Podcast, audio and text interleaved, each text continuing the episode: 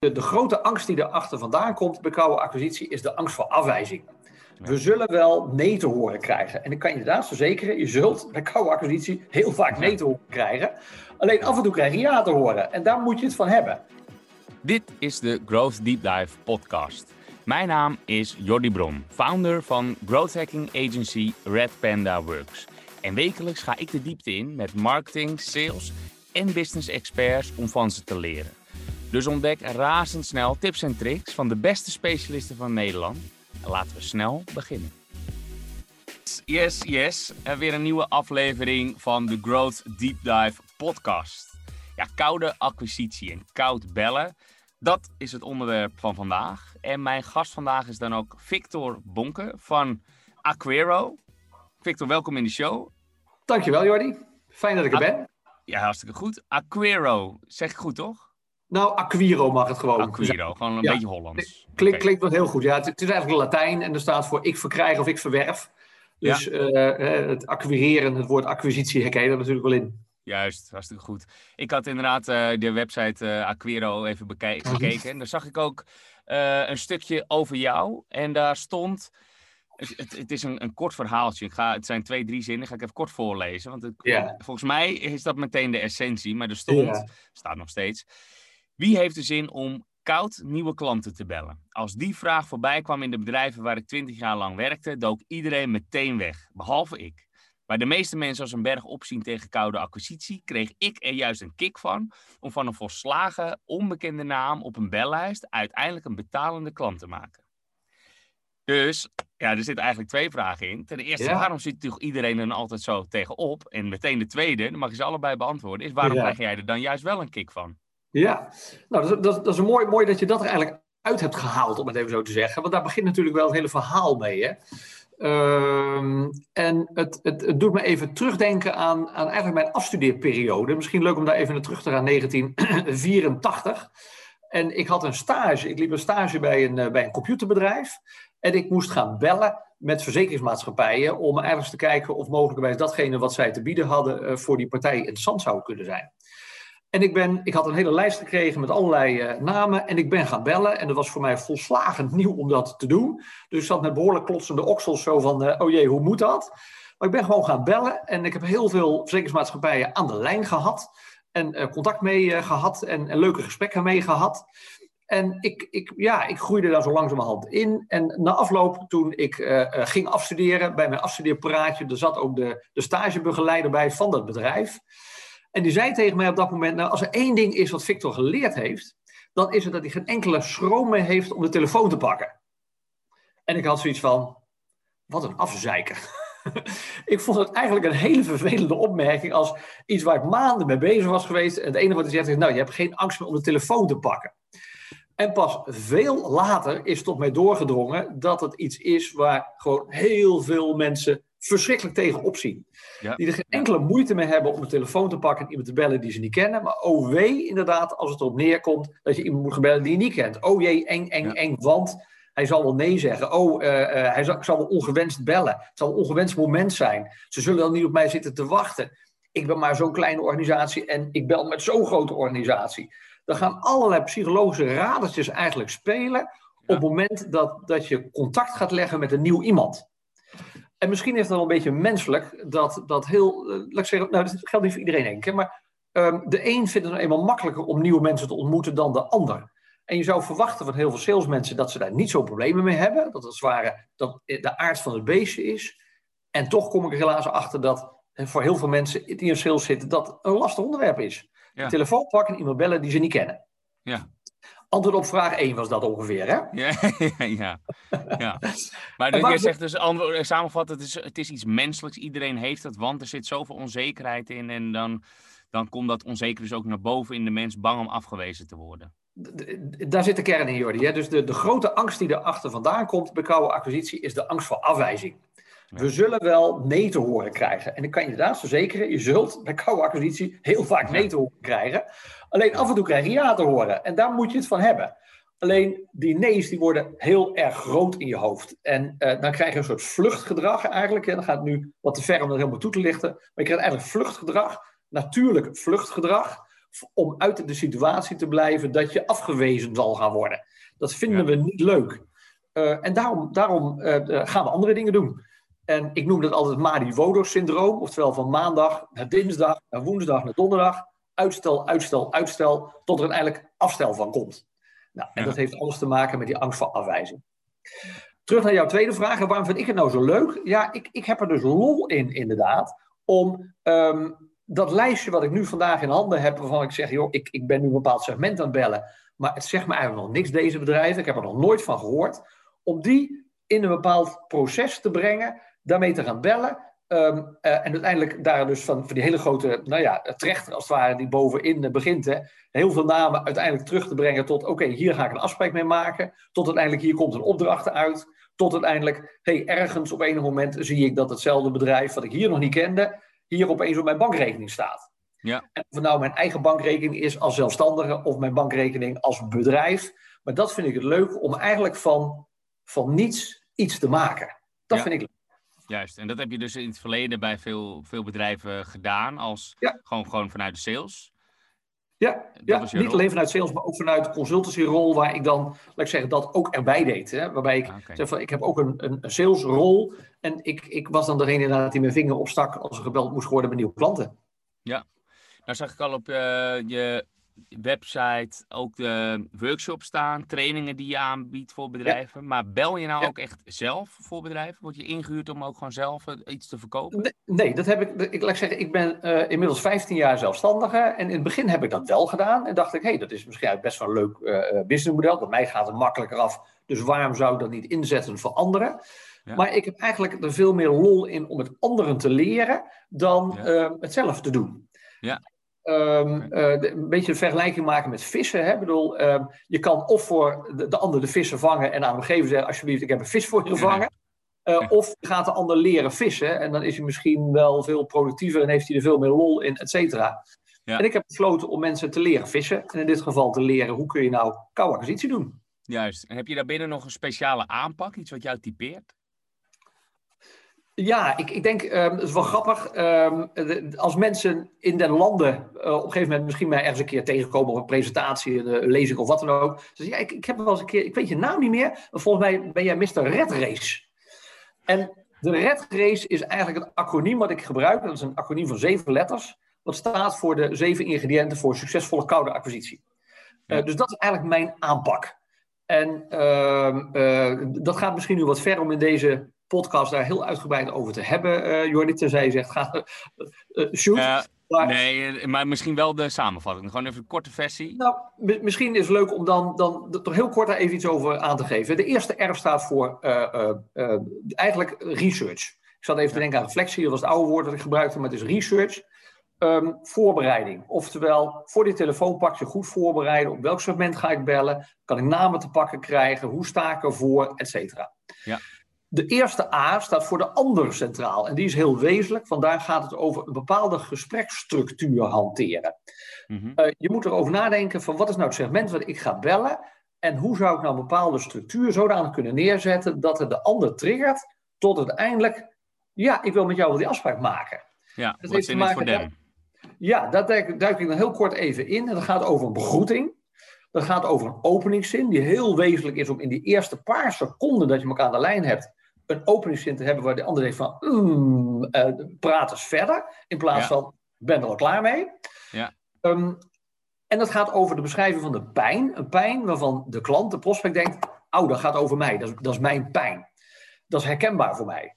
En op het moment dat die klant, die prospect, die pijn zal herkennen, en daar heb je van tevoren over nagedacht, dan zal hij zeggen, joh, hoe kun jij mij helpen om van die pijn af te komen, of ervoor te zorgen dat ik die pijn überhaupt niet krijg? Dan kun je iets vertellen over wat jij eigenlijk doet.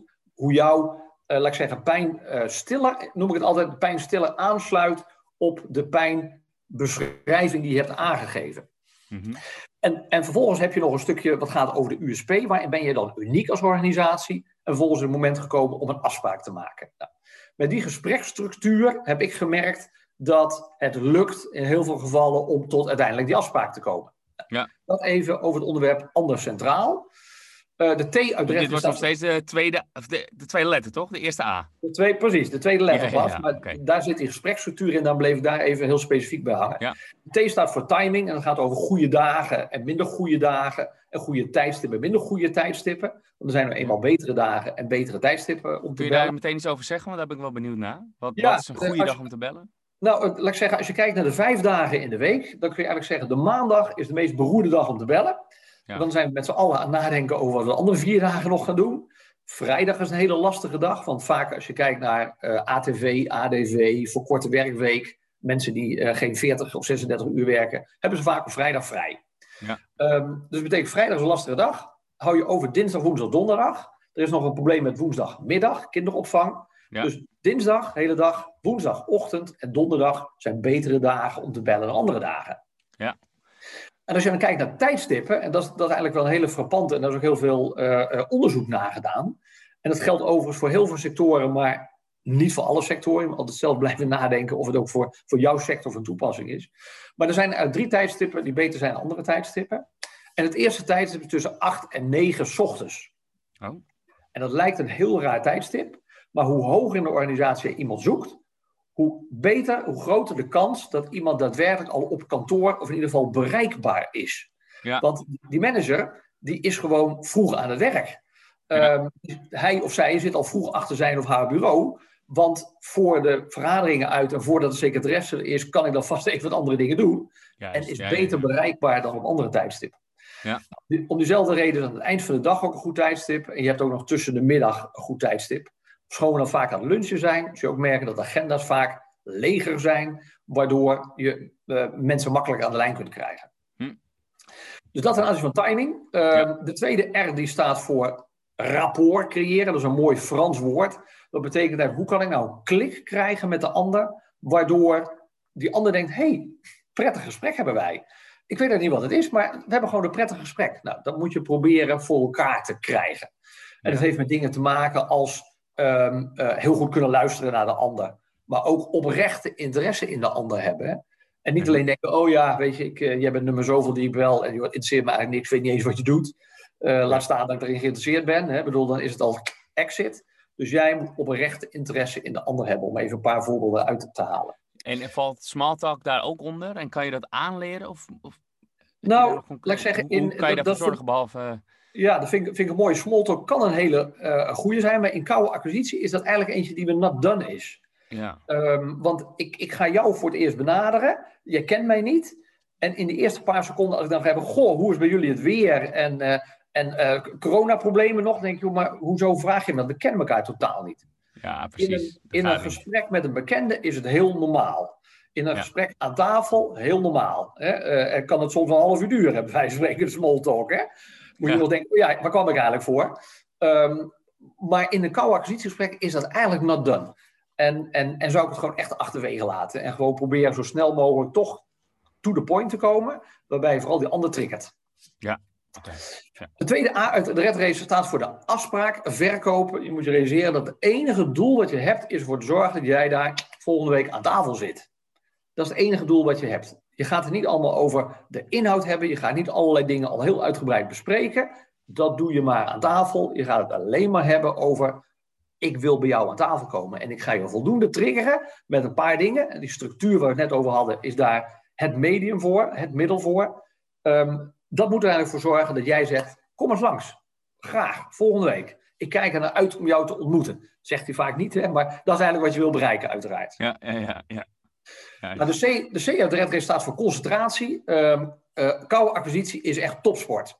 En als je denkt, joh, het is half twee en pss, we, we, doen even een beetje tussendoor, ik moet over een half uurtje weg, gaat hem niet worden. Hè? Dus jij zal echt absoluut 120% geconcentreerd moeten zijn. Betekent dat je naar je omstandigheden moet kijken. Waar zit ik te bellen? Hoe zit ik te bellen? Uh, hoe sta ik erbij? Hoe zit ik erbij? Wat is mijn afleiding? Kan ik zo, zo rustig mogelijk bellen? Nou, allemaal dingen met je concentratie te maken hebben. Mm-hmm, ja.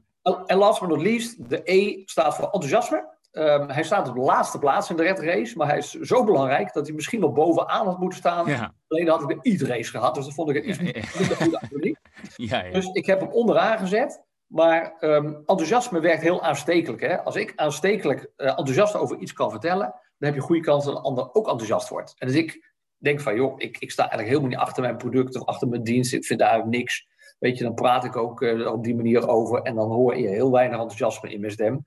Ja. En dan ga jij niet zeggen, joh, maar ik word enthousiast van jou, joh. Ik, ik wil die afspraak met jou. Uh, uh, gaat niet gebeuren. Dus jij zal moeten zorgen dat jij enthousiasme in je stem gaat krijgen. Nou, er zijn een aantal manieren voor om dat voor elkaar te krijgen. Oké. Okay.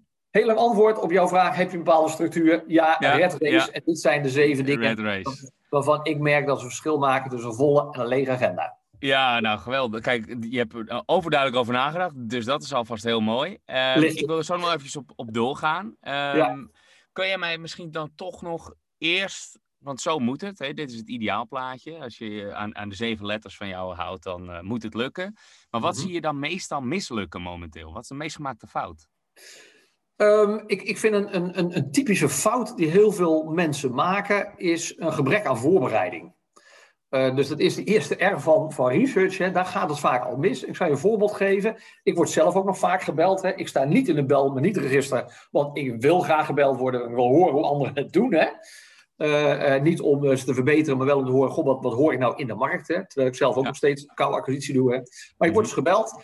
En um, een van de dingen die je dan soms, die ik dan vraag ergens in dat gesprek: Goh, maar weet u eigenlijk wat Quiro doet? En dan krijg ik een antwoord van: Nee, geen, geen, geen idee eerlijk gezegd. Ja, u staat gewoon op mijn lijstje. Ja. Oké, okay. klaar. Einde gesprek. Ja. Uh, op het moment dat jij je zo slecht voorbereidt dat jij een bedrijf belt in een business-to-business omgeving en jij niet eens weet wat het bedrijf doet, is het wat mij betreft klaar. Ja, en uh, dan is research, um, nou ja, neem aan dat je in ieder geval de website even bekijkt. LinkedIn profiel, misschien diegene ja. ook nog even googelen. Nou, dat, dat laatste zou je kunnen doen. Het hangt een beetje vanaf uh, wat voor iemand je gaat bellen en wat voor product je hebt en hoeveel tijd je ervoor hebt om je voor te bereiden. Hè. Ja, daar wil ik eigenlijk naartoe. Want hoeveel tijd moet je daarvoor reserveren ja, ten opzichte dat, van het daadwerkelijk bellen? Dat, dat is een terechte vraag. Hè. En, en maar even heel erg chargerend. Hè. Op het moment dat jij mobiele uh, uh, telefoonabonnementjes probeert te verkopen die een hele lage waarde hebben in feite, hè, een paar honderd euro bij wijze van spreken, kun je je ook niet veroorloven om heel veel tijd te besteden aan voorbereiding. Logisch. Ja. Jij moet er heel veel bellen om uiteindelijk hè, uh, uh, productief te kunnen zijn. Maar als jij, ik maar even, megajachten van 10 miljoen plus verkoopt, nou reken maar dat jij je ongelooflijk goed gaat voorbereiden op. Hè? Ja. Um, en er zijn er niet zo heel veel die op die manier via koude acquisitie jachten verkopen. Nee. Het gaat even om het idee dat ja, op het moment dat dat je het over hele grote opdrachten hebt, grote belangrijke dingen waar veel geld in omgaat. Je belt grote klanten, grote prospects. Dan, dan zul je ook meer tijd moeten besteden aan die voorbereiding. Ja. Uh, en dan zou je ook misschien iemand moeten gaan googlen. En dan zul je misschien nog heel veel andere dingen moeten doen. En dan ben je misschien wel, wel heel veel tijd aan, uh, aan kwijt. Uh, maar de, dan heb je ook maar one shot om ervoor te zorgen dat jij succesvol bent. Ja, precies. Dus het is ook gewoon natuurlijk afhankelijk van je producten, van je diensten. En is het dan ook ja. afhankelijk van hoe goed jij al bekend staat? Is dat, uh, kijk, als jij hebt inmiddels een redelijke naam opgebouwd, daarom uh, kwam ik ook bij je uit. Ja. Helpt dat in het, uh, in het bellen? Als je gewoon dus al ja. een naam voor jezelf bouwt en mensen je waarschijnlijk al kennen? Ja, nou laat ik zeggen, even, even los van mijn eigen naam, of mensen mij dan kennen. Als ik, als ik ze bel, dan, dan heb ik niet het gevoel dat mensen mij vaak kennen. Soms heb je wel iets van, oh ja, oh ja, ik heb je boek gelezen of nou, zoiets, hè, dat zou kunnen. Maar ik ga er niet van uit dat ze mij kennen. Maar als je inderdaad een hele bekende uh, bedrijfsnaam hebt, ja, dan kan het wel helpen natuurlijk om, ja. om succesvoller te zijn. Uh, neem niet weg dat je nog steeds moet voorbereiden. Hè? Als jij, ja. als jij een, een 100% naamsbekendheid hebt, wil niet zeggen dat ik op jou zit te wachten. Ja. Juist. Als, als jij met, uh, van, van een bekende telecomprovider belt, dus ik zal geen namen noemen, hè, dan kennen we allemaal die namen. Maar ik zit er even niet op te wachten dat jij mij nu belt. nee, klopt. Ja, heel goed. Ik um, wil um, even naar een, een, drietal stellingen gaan. Ja, die ga ik even aan je, aan je voorhouden. Je mag um, alleen, in eerste instantie althans, antwoorden met eens of oneens. Later even nuanceren en toelichten. Oké. Okay. Ja? Daar ja. gaan we met de eerste stelling. Koude acquisitie werkt vandaag de dag minder goed dan tien jaar geleden. Um, oneens. Oneens, oké. Okay. Komen we zo op terug. LinkedIn is onmisbaar bij koude acquisitie. Oneens. Uh, sorry, e-, eens. Ja, eens. LinkedIn is wel misbaar ja. dus. Oké, okay, oké. Okay. Ja, eens. Ja. Um, En deze ben ik oprecht heel benieuwd naar. Geef nooit op, ook na tien keer een afwijzing. Gewoon doorgaan bij dezelfde persoon. Uh, bij dezelfde persoon zeg je erachteraan. Ja, ja dat zeg je er bewust dan, achteraan. Dan, ja, dan zou ik zeggen oneens. Ja. Ja. En die laatste, daar wil ik meteen even bij stilstaan, omdat uh, wij hier intern wel eens een discussie hebben gehad van wanneer is het nou mooi geweest en wanneer moet je je tijd nou in anderen stoppen. Heb jij daar een soort van richtlijn voor? Als je gewoon, hè, als iemand zegt uh, tien keer van uh, bel me van de week maar terug of het komt even niet uit later. Hoe vaak wil je later horen voordat het echt een nee is? Ja, weet je, dat, dat is, dat is Jordi, best een hele lastige uh, in te schatten situatie. En, en ik zou zeggen, je moet het eigenlijk per keer beoordelen van ga ik verder, ga ik niet verder. En dat heeft te maken met de omvang van die klant, het potentieel wat jij daar ziet, hoe graag je daar binnen zou willen komen. En, en of je inderdaad inschat van, weet je, volgens mij is er toch wel ergens behoefte, um, maar nog even niet. Hè? Dan, dan zou ik zeggen, dan kun je oneindig doorgaan. Heb ik zelf een voorbeelden waar ik letterlijk jaren achter elkaar aan het bellen ben met iemand. Uh, om uiteindelijk daar eens een keer tot een afspraak en hopelijk tot, tot business te komen. Um, maar er zijn er ook waar je na korte tijd al voor jezelf constateert van... Ja, maar dit, dit, dit, heeft, niet, dit heeft gewoon geen zin, weet je wel. Ik, ik merk geen enkele rapport, geen enkel contact eigenlijk met die, met die contactpersoon, met die prospect, waardoor ik denk, nou, er zit toch wel wat in. Nee, ik merk ja. alleen maar een hele coole benadering. Oh, daar heb je hem weer, bij wijze van spreken. Nou ja, weet je, dan moet je eigenlijk op een gegeven moment gewoon zeggen, klaar, streep er doorheen, next one. Hè? Ja, precies. Uh, dat was dus, inderdaad waar ik, waar ik daarna op zoek ben. En dat zal natuurlijk ook weer afhangen van verkoop je een telefoonabonnement of een uh, miljoenenjacht. Ja, maar uh, ja. ondertussen is er ook nog zoiets als, uh, ja, je tijd kan je maar één keer inzetten. Dus je, op een gegeven moment zeg je van, nou weet je wat, ik, heb, ik, ik zet hier een lage kans op. Ik ja. moet door naar uh, partijen waar ik een hogere kans heb. Staan. Ja, en, en dat laatste is natuurlijk, dat, daar moet je zeker naar op zoek blijven. Hè, van uh, constant maar zoeken naar van wie, wie, waar heb ik de meeste kansen, wat zou mij he, kunnen helpen. Um, maar klanten willen, prospects willen ook in zekere zin een beetje verleid worden uiteindelijk tot, tot zaken doen. Want om nou bij de eerste de beste telefoontje wat ik met iemand pleeg zomaar te zeggen, ja kom maar langs en we kunnen wel tot zaken doen, za zaken komen, weet je wel, dat werkt niet echt zo. Hè? Dus er gaat nee. ook tijd overheen. Um, dus je moet je ook realiseren, er is wel een soort stelregel, misschien dat je daar ook een beetje naar op zoek was van, uiteindelijk doen mensen pas zaken met iemand als ze elkaar orde van grootte zeven of acht keer gesproken hebben. Hè? Ja. Um, en de ervaring leert tegelijkertijd dat de meeste salesmensen bij twee keer ophouden.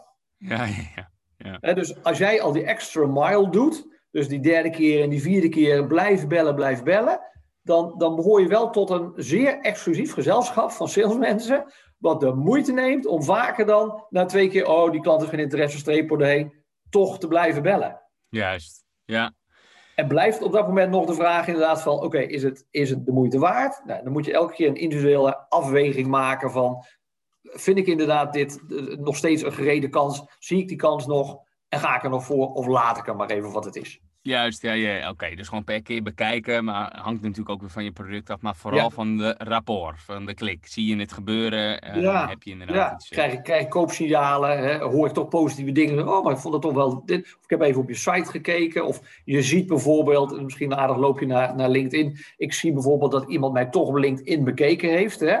Uh, kennelijk toch iets blijven hangen. En toch wel een zekere interesse. Nou weet je, dat zijn signalen die je zou kunnen gebruiken om ja. denk je van, nou, volgens mij is het geen verloren zaak.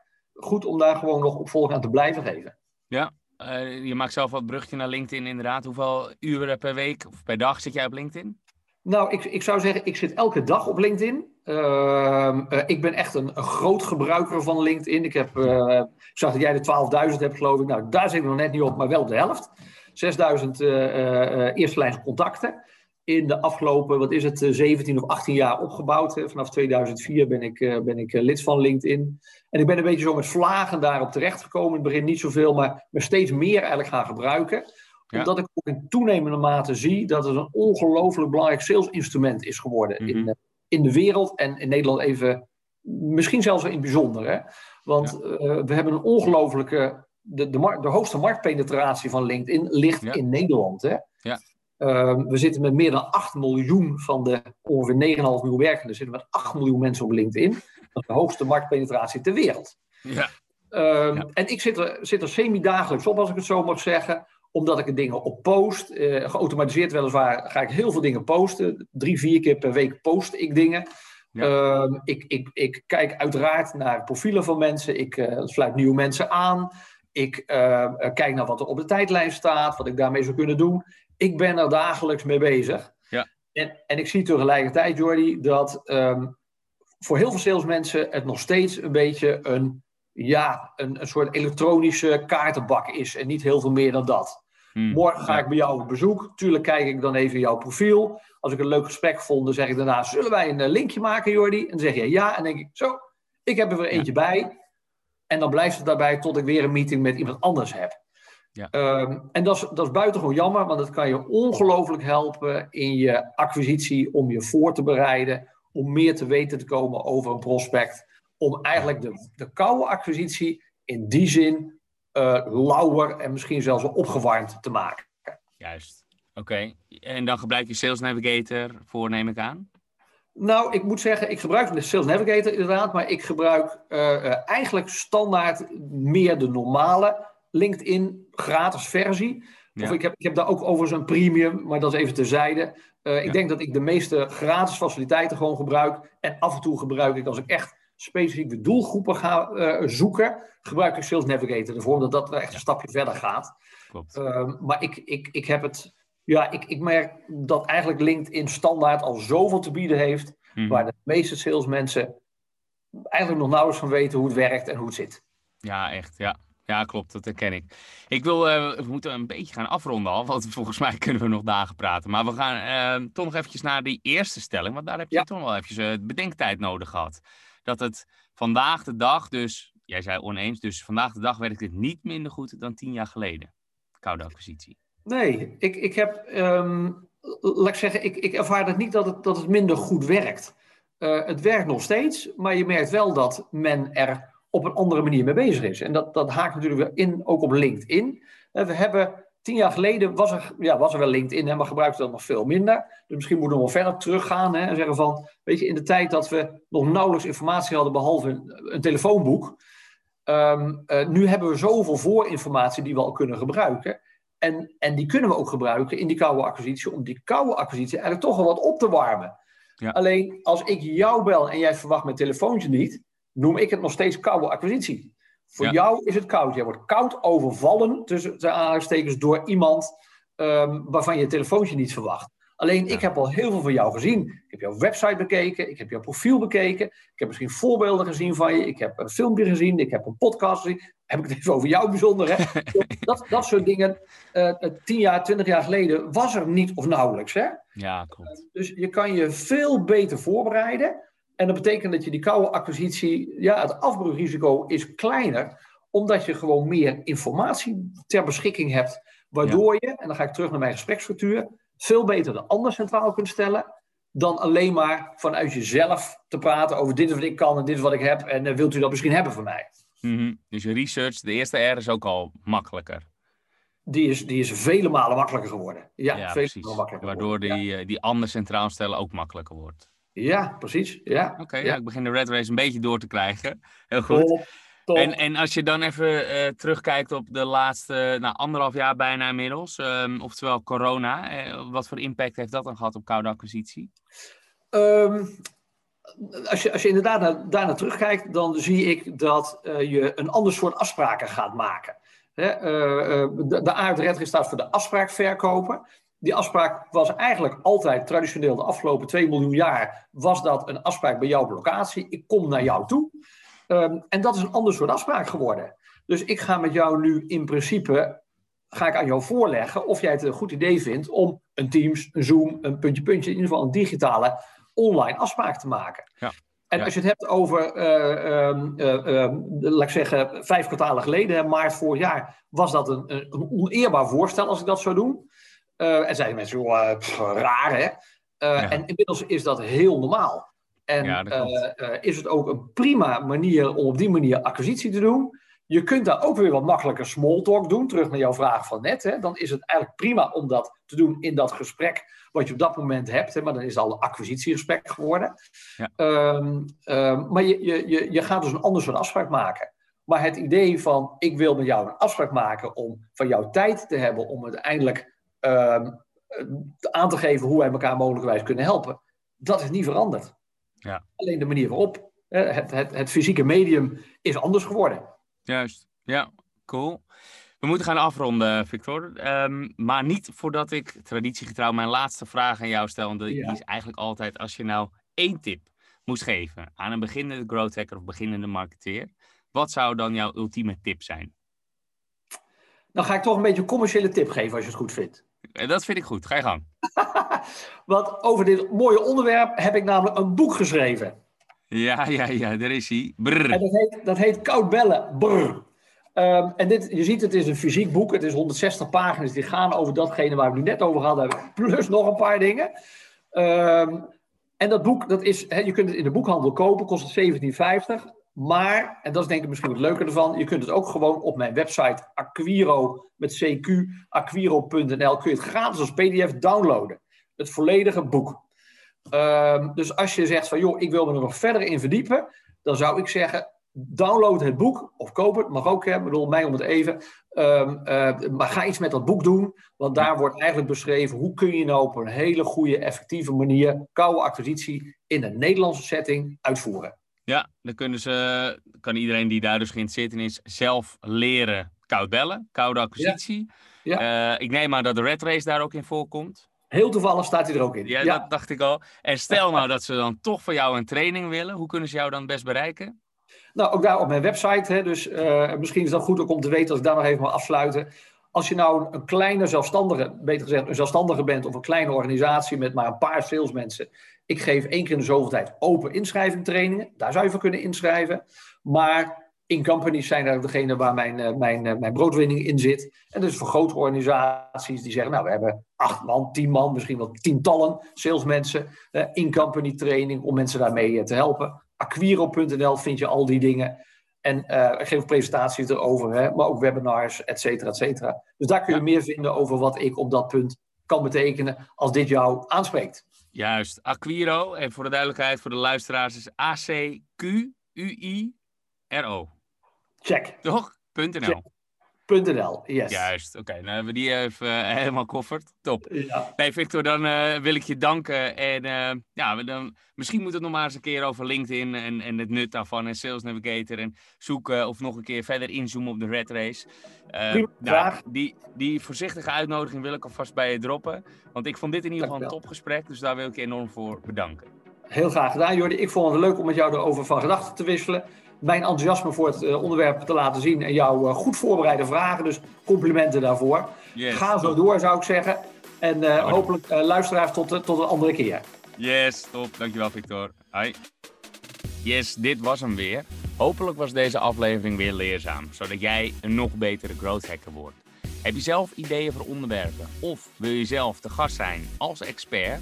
Stuur mij, Jordi Bron, een berichtje op LinkedIn of stuur een mail naar jordi.redpanda.works. Het e-mailadres vind je natuurlijk ook op onze website redpanda.works. Ik wil je dan nog iets vragen en dat is om een eerlijke review te geven. Voor growth hackers is het namelijk super belangrijk om feedback en daarmee data te verzamelen. Dus ben ik benieuwd wat jij van deze podcast vindt. Laat het dus weten door een review te geven in je favoriete podcast app. Dankjewel alvast en tot volgende week.